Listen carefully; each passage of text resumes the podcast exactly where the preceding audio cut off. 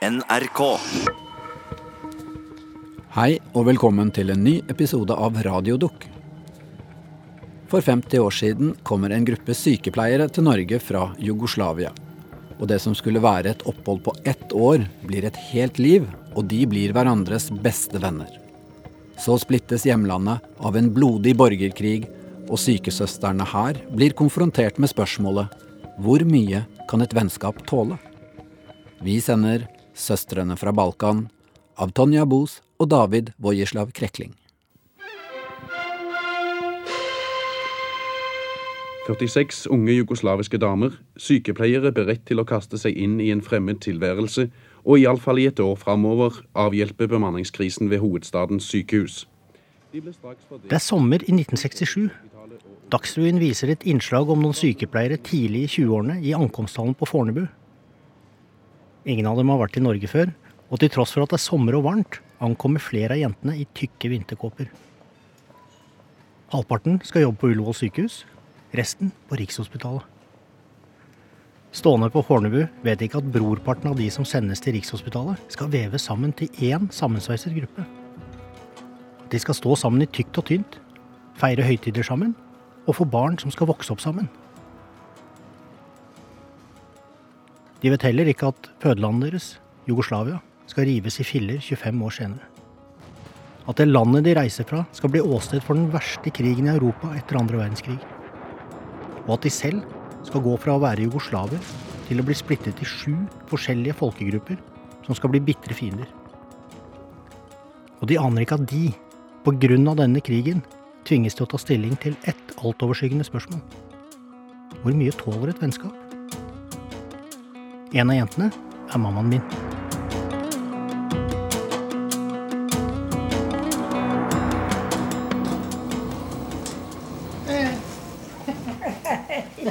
Går det? Ja. Paprika akkurat blir ikke bedre enn det. Jeg besøker mamma, og allerede i gangen lukter jeg at favorittretten min, fylt paprika, putrer i ovnen. Jeg merker at mamma har forberedt seg. Hun vet at jeg skal komme og snakke om jentene på flyet, de som skulle bli hennes og min familie i Norge, og hvordan det hadde seg at akkurat hun havnet her. Hvordan min historie ble til.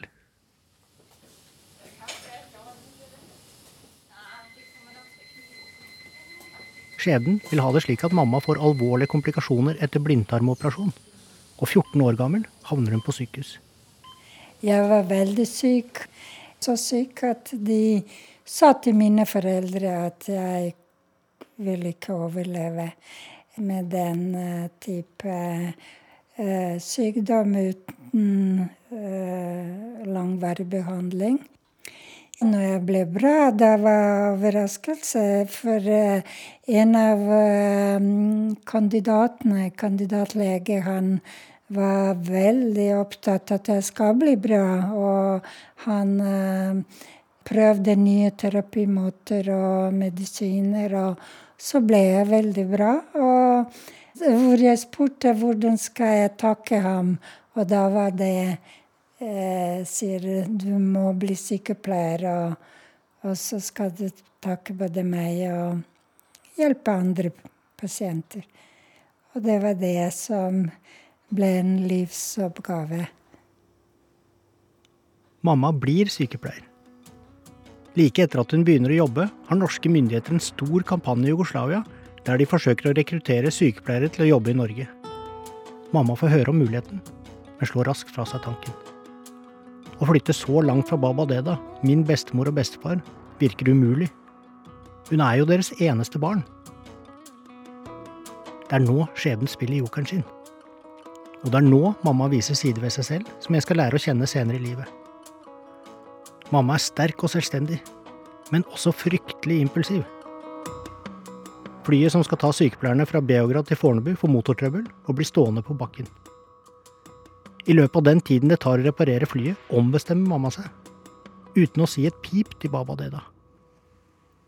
Nei, det skulle jeg ikke si, fordi de var veldig strenge, og de ønsket at jeg skal være i nærheten eh, til dem. Og eh, derfor eh, fikk jeg bare skrevet at at jeg ville reise, og vi hadde kontrakt eh, bare et år. Og mest sannsynlig å få jobben tilbake når vi kommer om et år. Brevet kommer ikke fram til Baba Deda før to dager senere. Da er mamma allerede i Oslo.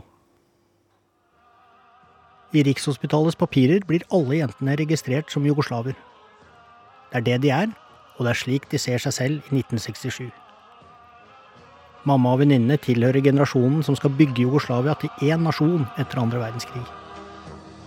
De kommer fra et land som av mange oppfattes som et sosialistisk eller kommunistisk drømmeland. Mantraet fra Tito og kommunistpartiet er 'bratstvo jedinstvo'. Forbrødring og enhet.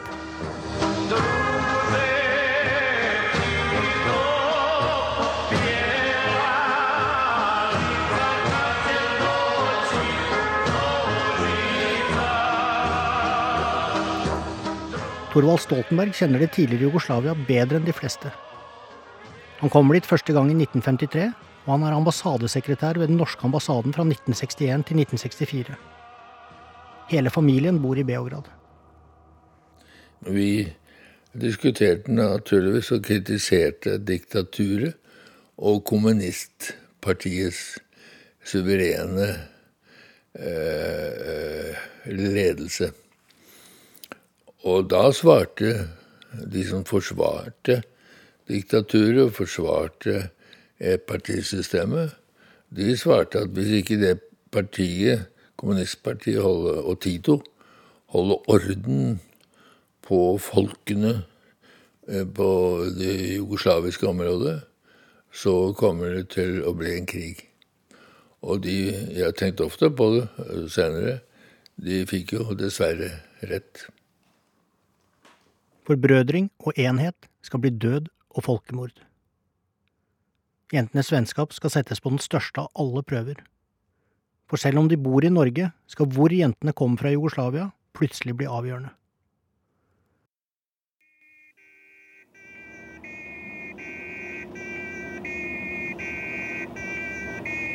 Til alle tider har det vært behov for å hjelpe syke og skadede mennesker. Vi synes nok at det alltid følger en viss uhygge med en slik sykebilsirene. Men vi kan heldigvis være forvisset om at det alltid står kyndige folk og tar imot når vi er vel framme på sykehuset. Dette er idealet slik det blir presentert i en opplysningsfilm om sykepleie i 1967, samme år som de jugoslaviske sykepleierne kommer til Norge. Men i disse årene kan du ikke være sikker på at det faktisk står en sykepleier og tar deg imot. Gjennom hele 1960- og 70-tallet er det sykepleiermangel i Norge og tilstanden ved Rikshospitalet blir etter hvert prekær. Men hjelpen er på vei.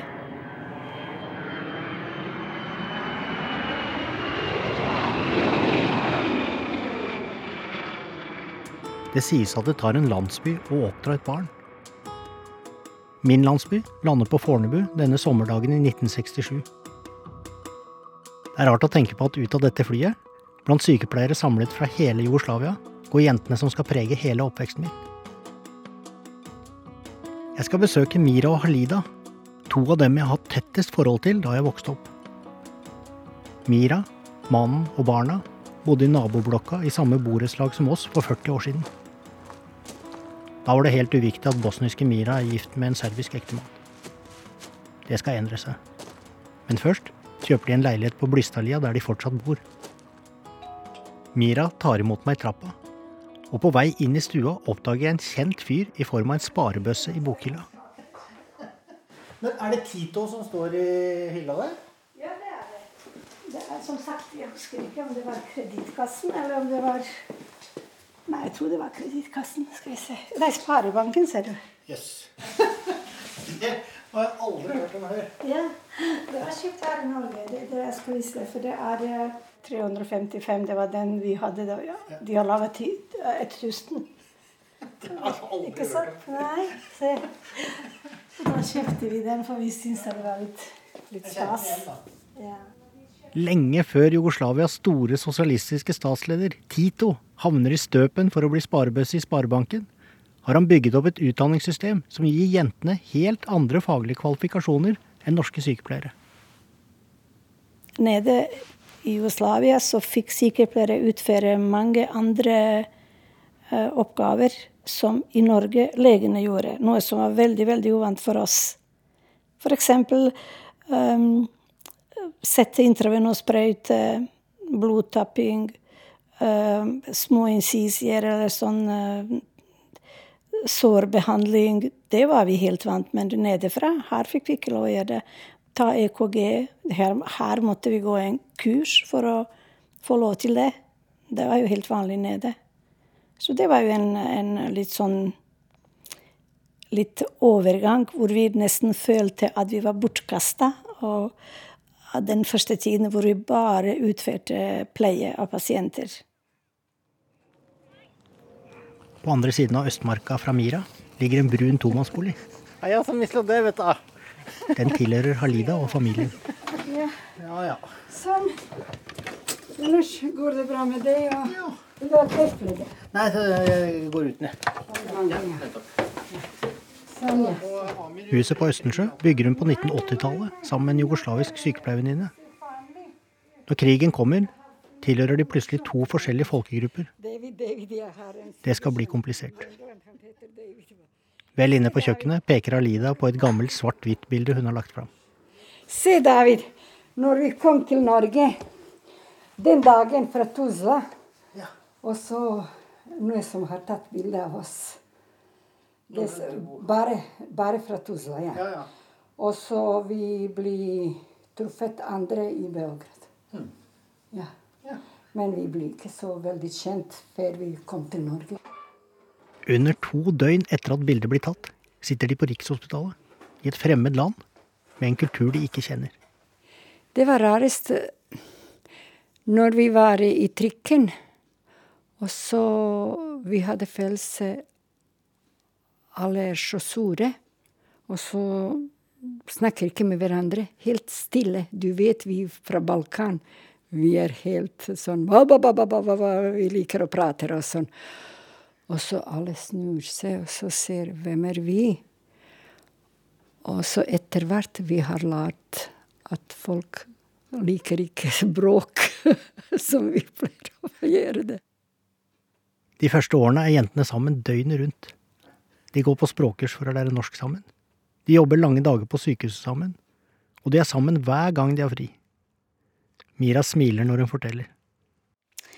Vi bodde jo på et hybelhus på Skoveien.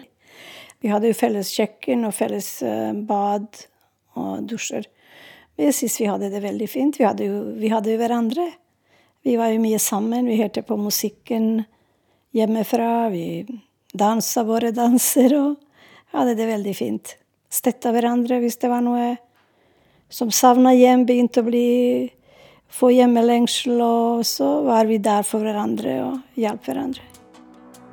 Det som bare skulle vare i ett år, blir to, tre, fire. De som kom én og én, stifter familie, gifter seg, får barn. Sirkelen utvides og sakte, men sikkert vever de en felles historie. Vi ønsket eh, fra første dag på, med barna også å feire både 17. mai og alle de dagene som var uh, viktige å feire, samme som alle andre norske innbyggere. Alle barna våre feiret bursdager og så videre. Og så foreldrene våre, særlig mine, og så kom fast hvert år. Og barna lærte å danse vår kolo, som heter Det felles dans, og, og sette pris på vår musikk. Vi hadde ikke noe familie her, så vi var jo familie for hverandre. Så det var veldig veldig viktig å holde den vennskapet. Vi har jo Har du syk barn, så er det venninna din du ringer til og spør om å få hjelp. Har du problemer i ekteskapet, så er det venninna du skal ringe og snakke med. Det var ikke noe mor, ikke søster, ikke bror. Det er slik jeg husker dem. Som én samlet familie. Noen av oss ungene går i barnehagen sammen, bor i samme nabolag, og vi møtes når mammaene våre inviterer hverandre på middag. Men best av alt er festene. Jeg elsker de festene. De er alltid i festlokalet på Romsås eller under en av blokkene på Blystadlia. Drabantbillaen. Men det er som å gå inn i Jugoslavia. Jugomusikk på full spiker. Mennene rett i det ene hjørnet, og damene rett inn på kjøkkenet for å legge siste hånd på maten. Og den lukta. Paprika fylt med kjøttdeig og ris med en tynn tomatsaus. Sarma, jugoslaviske kålruletter. Alle hilser. Kyss, først på den ene siden, så den andre, så den første igjen. Ungene blir kløpet i kinnet. Hvis du har gjort noe moren din ikke liker, er det nå det blir tatt opp. Jentene deler alt og har selvfølgelig snakket om det på forhånd. Det blir kanossagang og beklagelser og forsikringer om at jo da, man skal være snill mot sin mor. Språket på festene er et blandingsspråk som ikke finnes noe annet sted. 70% jugoslavisk og 30% norsk med jugoslaviske språkregler. David gå og hent melken i kjøleskapet blir Heide Davide, idi donesse melken og kjøleskapet. Etter middag er det alltid Chorchek og cola. Noen av mennene kaster seg på. Alltid alle jentene. I ring. Rundt og rundt og rundt.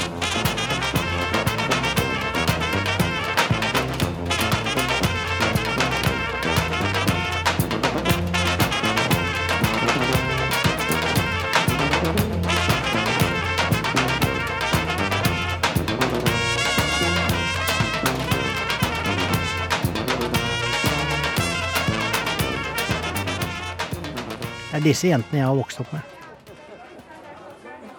Min landsby.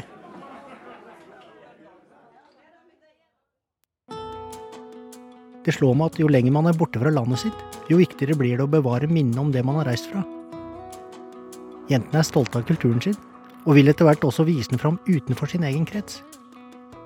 De lager en sosial klubb som arrangerer åpne fester der hvem som helst kan komme for å spise jugoslavisk mat, høre jugoslavisk musikk og danse.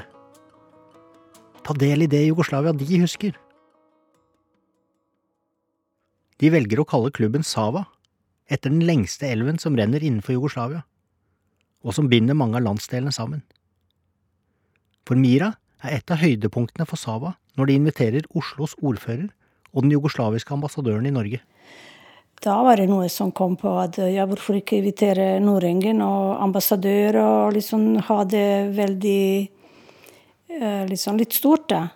Så gjorde vi det. Vi sendte invitasjon, og han takka ja. Han skal komme. Og da var det litt sånn litt stor stas at vi skal ha han med. Så vi en Vi inviterte noen sangere fra, fra nede fra Jugoslavia. Jeg tror det var faktisk mor din som hadde ansvar for en av dem. Jeg tror jo var to, rundt 250 eller noe sånne gjester. Og det gikk kjempe, kjempebra. Vi hadde mat til alle. og og det var veldig hyggelig. Vi, Nordingen fikk jo både danse og ha det koselig med oss. Men også sa han, fordi at vi, vi hadde ikke kelnere, vi kunne ikke servere maten vet du, sånn som i restaurantene. da. Så vi hadde en veldig lang bord med fine dekorasjoner av, um, av tiur og, og, jeg husker ikke andre dyr som var stepp, stepp, Utstå, ja. Utstoppedyr. Og jeg husker Nordengen sa Guri malla, jeg har ikke sett så lang matkø siden krigen, sa han. Det syntes jeg det var morsomt. Han måtte han stå også ikke og vente på sin tur som alle andre. ja.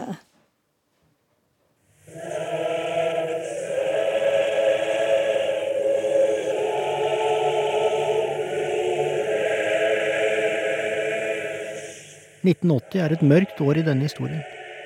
For min familie og for republikken Jugoslavia. Mamma og pappa skiller seg, og i Jugoslavia skjer det som skal bety begynnelsen på slutten. Jugoslavias leder og nasjonale samlingsmerke, president Tito, er død. Opprøreren, befrieren og landsfaderen er ikke mer. Josip Broz Tito var ikke bare valgt til Jugoslavias president og partisjef på livstid. Tito var Jugoslavia. Konsekvensene skal bli forfall, død, splittelse.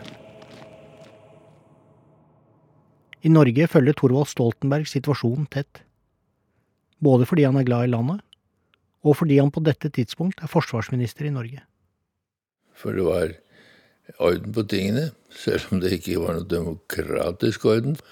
Partiet, Kommunistpartiet hadde mye å si, men det var jo ingen tvil om at den store personligheten som holdt jugoslaviske folkene samlet, det var Tito.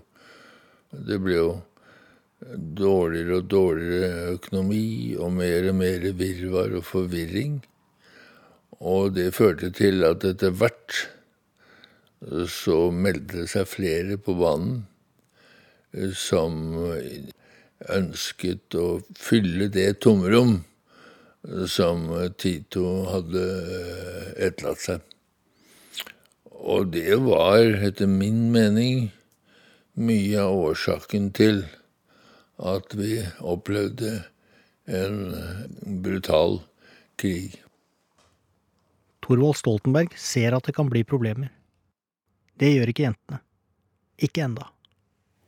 Vi hadde jo veldig aktiv eh, sosialliv i alle de årene her i Norge. Kanskje mer enn de, enn de som bodde nede, da. Og det kan jo hende det at vi ikke hadde familie, at vi liksom hadde behov å være så ofte som mulig sammen. Det var den beste tiden vi hadde, tror jeg, mens vi bodde her. Den beste tiden, sier Mira. Hvis livet er en pendel, så er jentenes pendel helt øverst på den positive siden. Men pendelen skal snart svinge.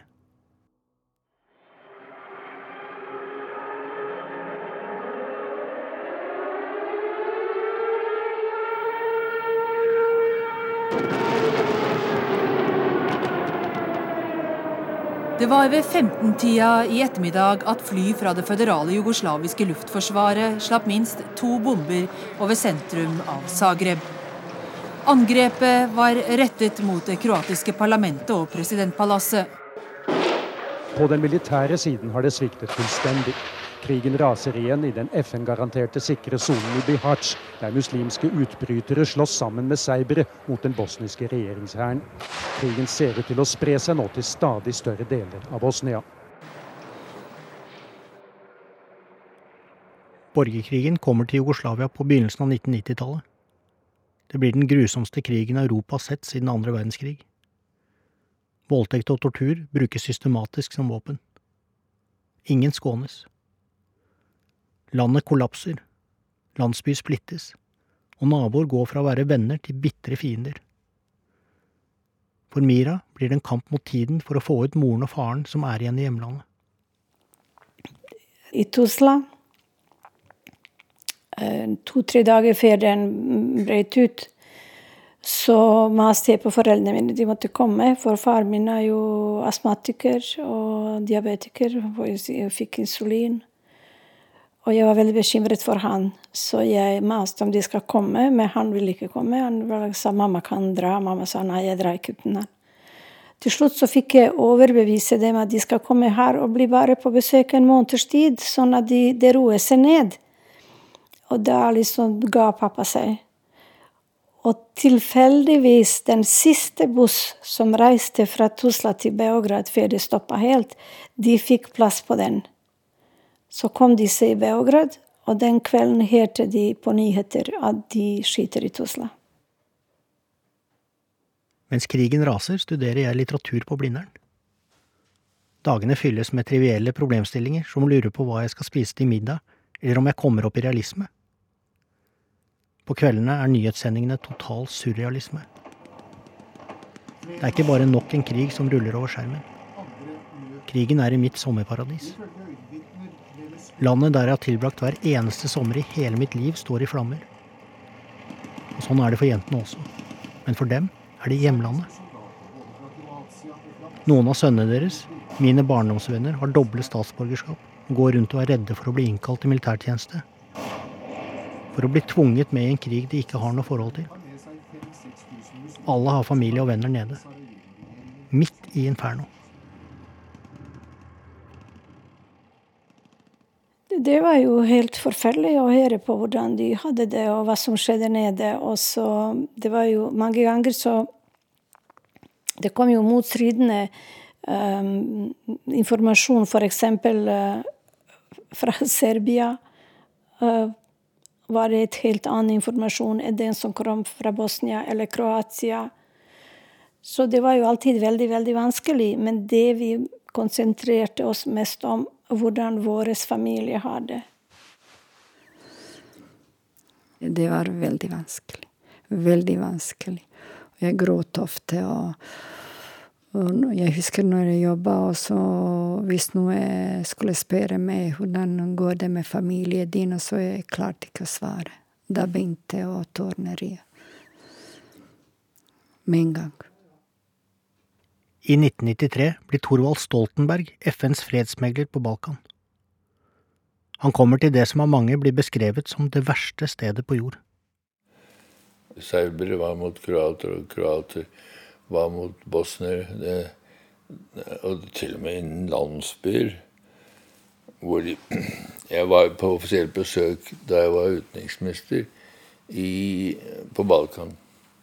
Og da husker jeg Fordi jeg snakket språket, så var det mange som kom bort til meg og, og sa at uh, dere må komme internasjonal tilstedeværelse her. For ellers så blir den landsbyen her ødelagt.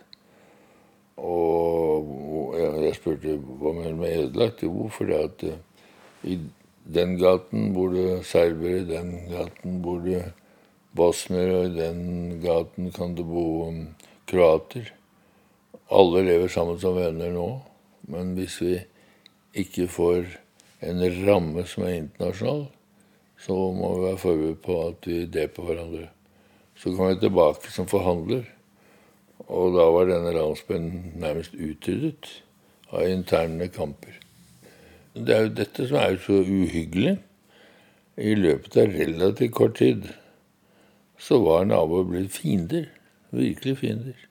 De kunne skyte hverandre. Og det eh, ville du ikke trodd hvis du hadde vært her for en måned siden eller noen uker siden. Så det er en uhyggelig ting. Kalenderen viser 25. mai 1995. Mira og Halidas hjemby Tuzla rammes av det grusomste som kan skje. Våren er i ferd med å gå over i sommer. Barn og unge har samlet seg på det lille torget Kapia midt i byen for å feire ungdommens dag. Titos fødselsdag. Så eksploderer den serbiske artillerigranaten. Midt i folkemengden. Midt blant ungdommen. Flere av de serbiske granatene slo ned like ved en kafé der ungdom pleide å samles. Den eldste av over 70 drepte på dette stedet var 28 år gammel. Og det er så vidt mange døde og såret at alle kjenner noen. Over 150 mennesker er såret etter det serbiske granatangrepet mot sentrum av Tuzla. 30 av dem så alvorlig at tallet på drepte kan stige til over 100. Det var grusomt. Den kvelden sendt til kusina mi ble skadet. Han er, han er uh, delvis invalidisert pga. det. Dattera var lett skadet. Det var ungdommen som var ute og hadde det koselig sammen. Det har vært helt forferdelig, fordi uh, jeg visste jo at jeg har familiene. Jeg visste jeg har ungdommer som er sikkert ute. Vi kunne ikke få kontakt med noen den første tiden. Foreldrene mine var jo her også, så de var jo helt fortvila. Så det var kjempe, kjempe eh, vond tid. Og det, det er eh, Det tok jo to-tre dager før vi liksom fant ut at eh, alle våre sa i live, og det er to som er skadet. På Dagsrevyen forteller norske FN-soldater hvordan det er å oppleve katastrofen på nært hold. Hva var det som gjorde mest inntrykk? Nei, Det er klart å gå rundt eh, på en plass der så vidt mange har blitt drept på så kort tid, og se graver der det står at tre år gamle unger har plutselig blitt revet bort, og sammen med massevis av andre, og gå rundt og se på de følelsene som de pårørende har i en sånn situasjon.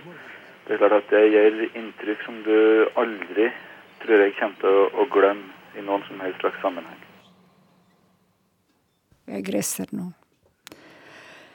Uff a meg. Det var helt forferdelig, David. Søstera mi fortalte det var en veldig fin dag. Og så alle ungdommer likte å komme seg ut litt for å feire litt ut, og så treffe noen kjente og sånn. Så jeg husker hun fortalte hun hadde i naboblokka en jente. Hun hadde bare 17 år. Hun het Vanja. Så plutselig hun het Skrik. Og mamma hennes begynte å gråte og skrike. Og herregud, hva som er Hennes jente var på, på Kappia.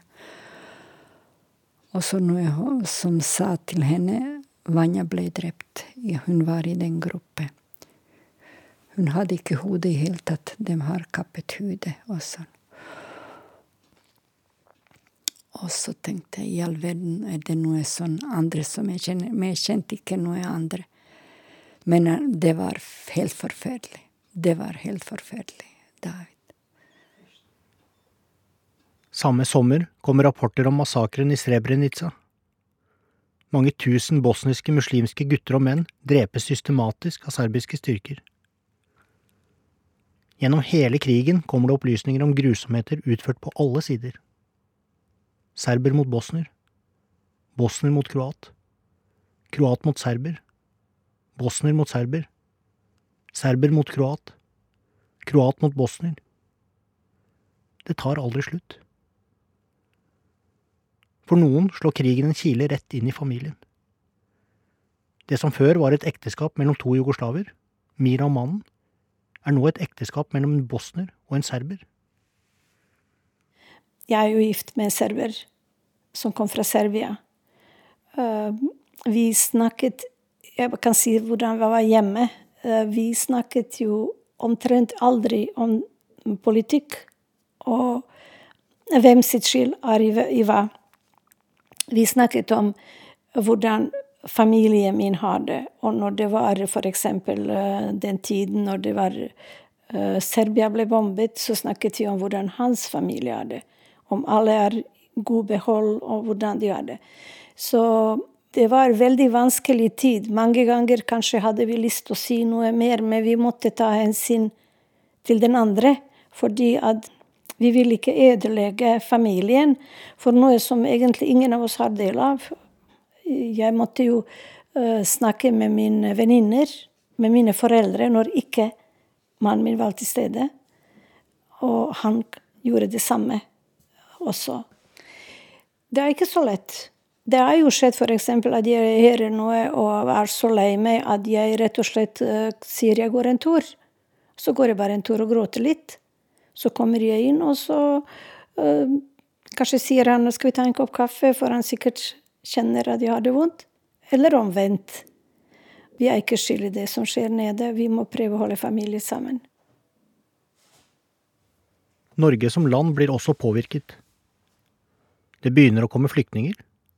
De fleste er fra Bosnia, og de kommer fra helvete på jord. Det hender det kommer bosniske barn fra krigen til Rikshospitalet for å få behandling. Noen blir sendt til avdelingen der mamma har blitt oversykepleier. Da strekker krigens tentakler seg hele veien fra Balkan til Oslo. Helt inn på Rikshospitalet. For nå er ikke mammas navn lenger jugoslavisk. Det er serbisk. Og noen av foreldrene vil ikke la sykehuset behandle ungene deres. De nektet å, å komme eh, på avdelingen fordi de så etter mitt navn at jeg var fra Serbia, og selvfølgelig undersøkte de nøye. Og så fikk jeg tilbakemeldingen at de ønsker ikke å komme til avdelingen. Det var både urimelig, men forståelig at uh, til tross uh, har ikke vi kriget, vi som, er, som bor i Norge, og, og sånn vi vil gjøre alt for å hjelpe. Både de i Bosnia eller også i Serbia. De har opplevd såpass mye at jeg skjønte at de var usikre og utrygge, og, og derfor tok jeg eh, det som det. Savas fester dør med krigen. Det er ikke lenger noe å feire. Den jugoslaviske kulturen de så gjerne ville dele, er i full oppløsning, og i hjemlandet dreper de hverandre. Jeg tror at alle ble så usikre. De, de alle fikk jo bekymringer om sine egne. Vi i Bosnia hadde jo andre bekymringer enn de f.eks. i Makedonia og de i Serbia. Um, I Kroatia. Ingen hadde lyst til å, å, å, være sammen og lage noen fester eller noe sånt. Det var jo, alle var bekymret, og alle gikk jo med sine egne problemer. Og... Selv om elven Sava, som de har tatt navnet fra, renner der den alltid har gjort, renner den ikke lenger gjennom Jugoslavia. Sava har blitt en grenseelv som skiller Bosnia, Kroatia og Serbia. Det var det som vi hadde felles når eh, vi eh, skulle møtes, og da sang vi. Det er noe vi hadde Vi hadde et land som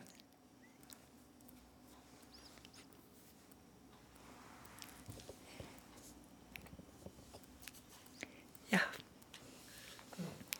Ja ja, det, det var det.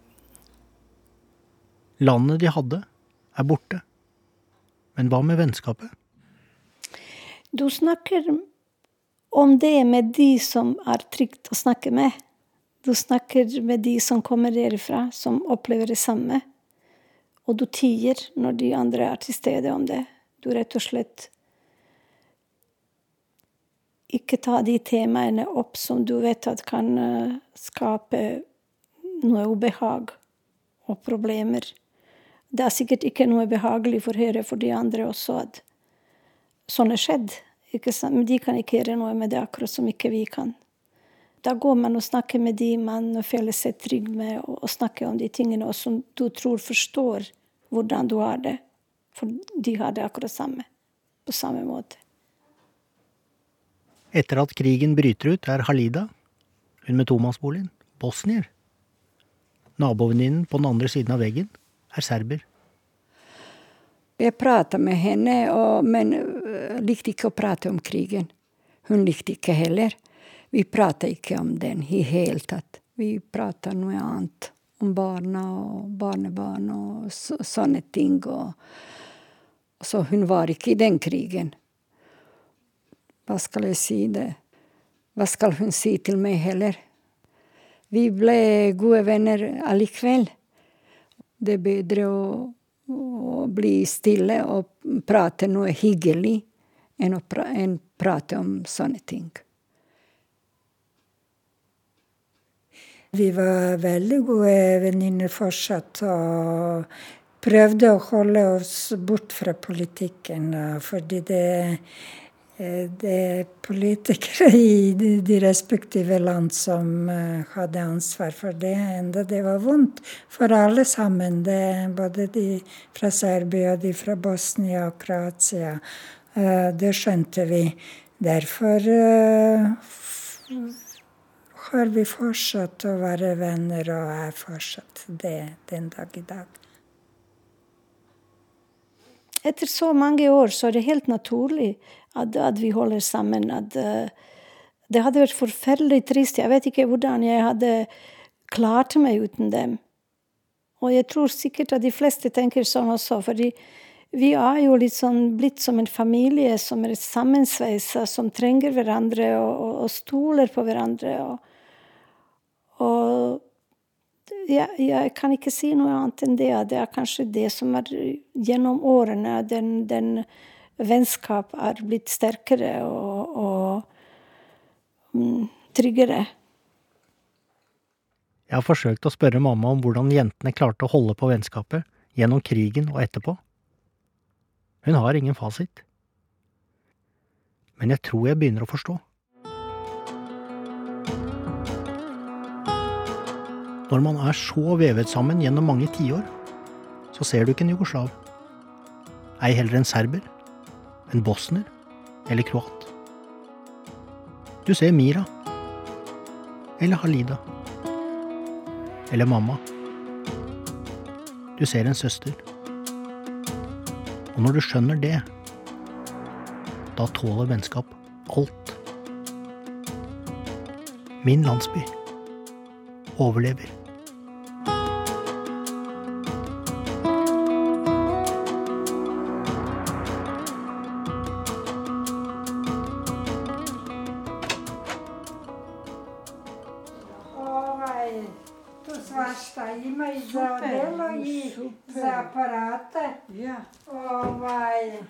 Vidiš, ti si bila u prvim redovima odmah iz početka. ja odmah jes. I viš kako se zato vam zatrko neki žurnalista, odmah te pita. På dagen 50 år etter at jentene ankom Norge, er Mira og Halida på besøk hos mamma. De har aldri sett klippet som starter denne historien. Innslaget som viser de 46 jugoslaviske sykepleierne, dem selv, som lander på Fornebu for så mange år siden. Nå viser jeg dem klippet for første gang. 46 unge jugoslaviske damer, sykepleiere beredt til å kaste seg inn i en fremmed tilværelse, og iallfall i et år.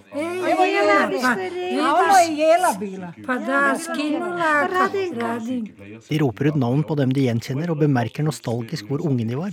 Ah, Bahra i ti. Bila sam i tad malo debeljuca. Eno bara kraj mene. Evo ni Hade, vidi. A, možda Augusta. Augusta Severin. Det er kanskje skjebnen, dette også. At vi er akkurat her, i mammas leilighet. For hun har nettopp flyttet til en av Bærums nye bydeler, Fornebu. Fra vinduet skimter de flytårnet som står igjen som et minne om der vennskapet startet. Fornebu stari. Det var der vi landa. Lana.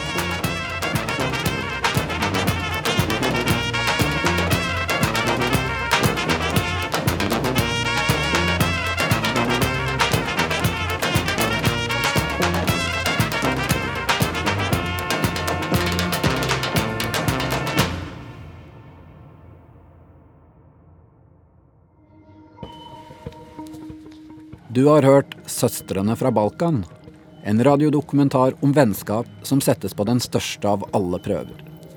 Den var laget av Tonja Boos og David Vojislav Krekling. Lyddesigner det var Merete Antonsen, og Line Alsaker var konsulent. Jeg heter Kjetil Saugestad, og denne høsten kommer vi i Radiodok med en ny episode hver uke helt fram til desember.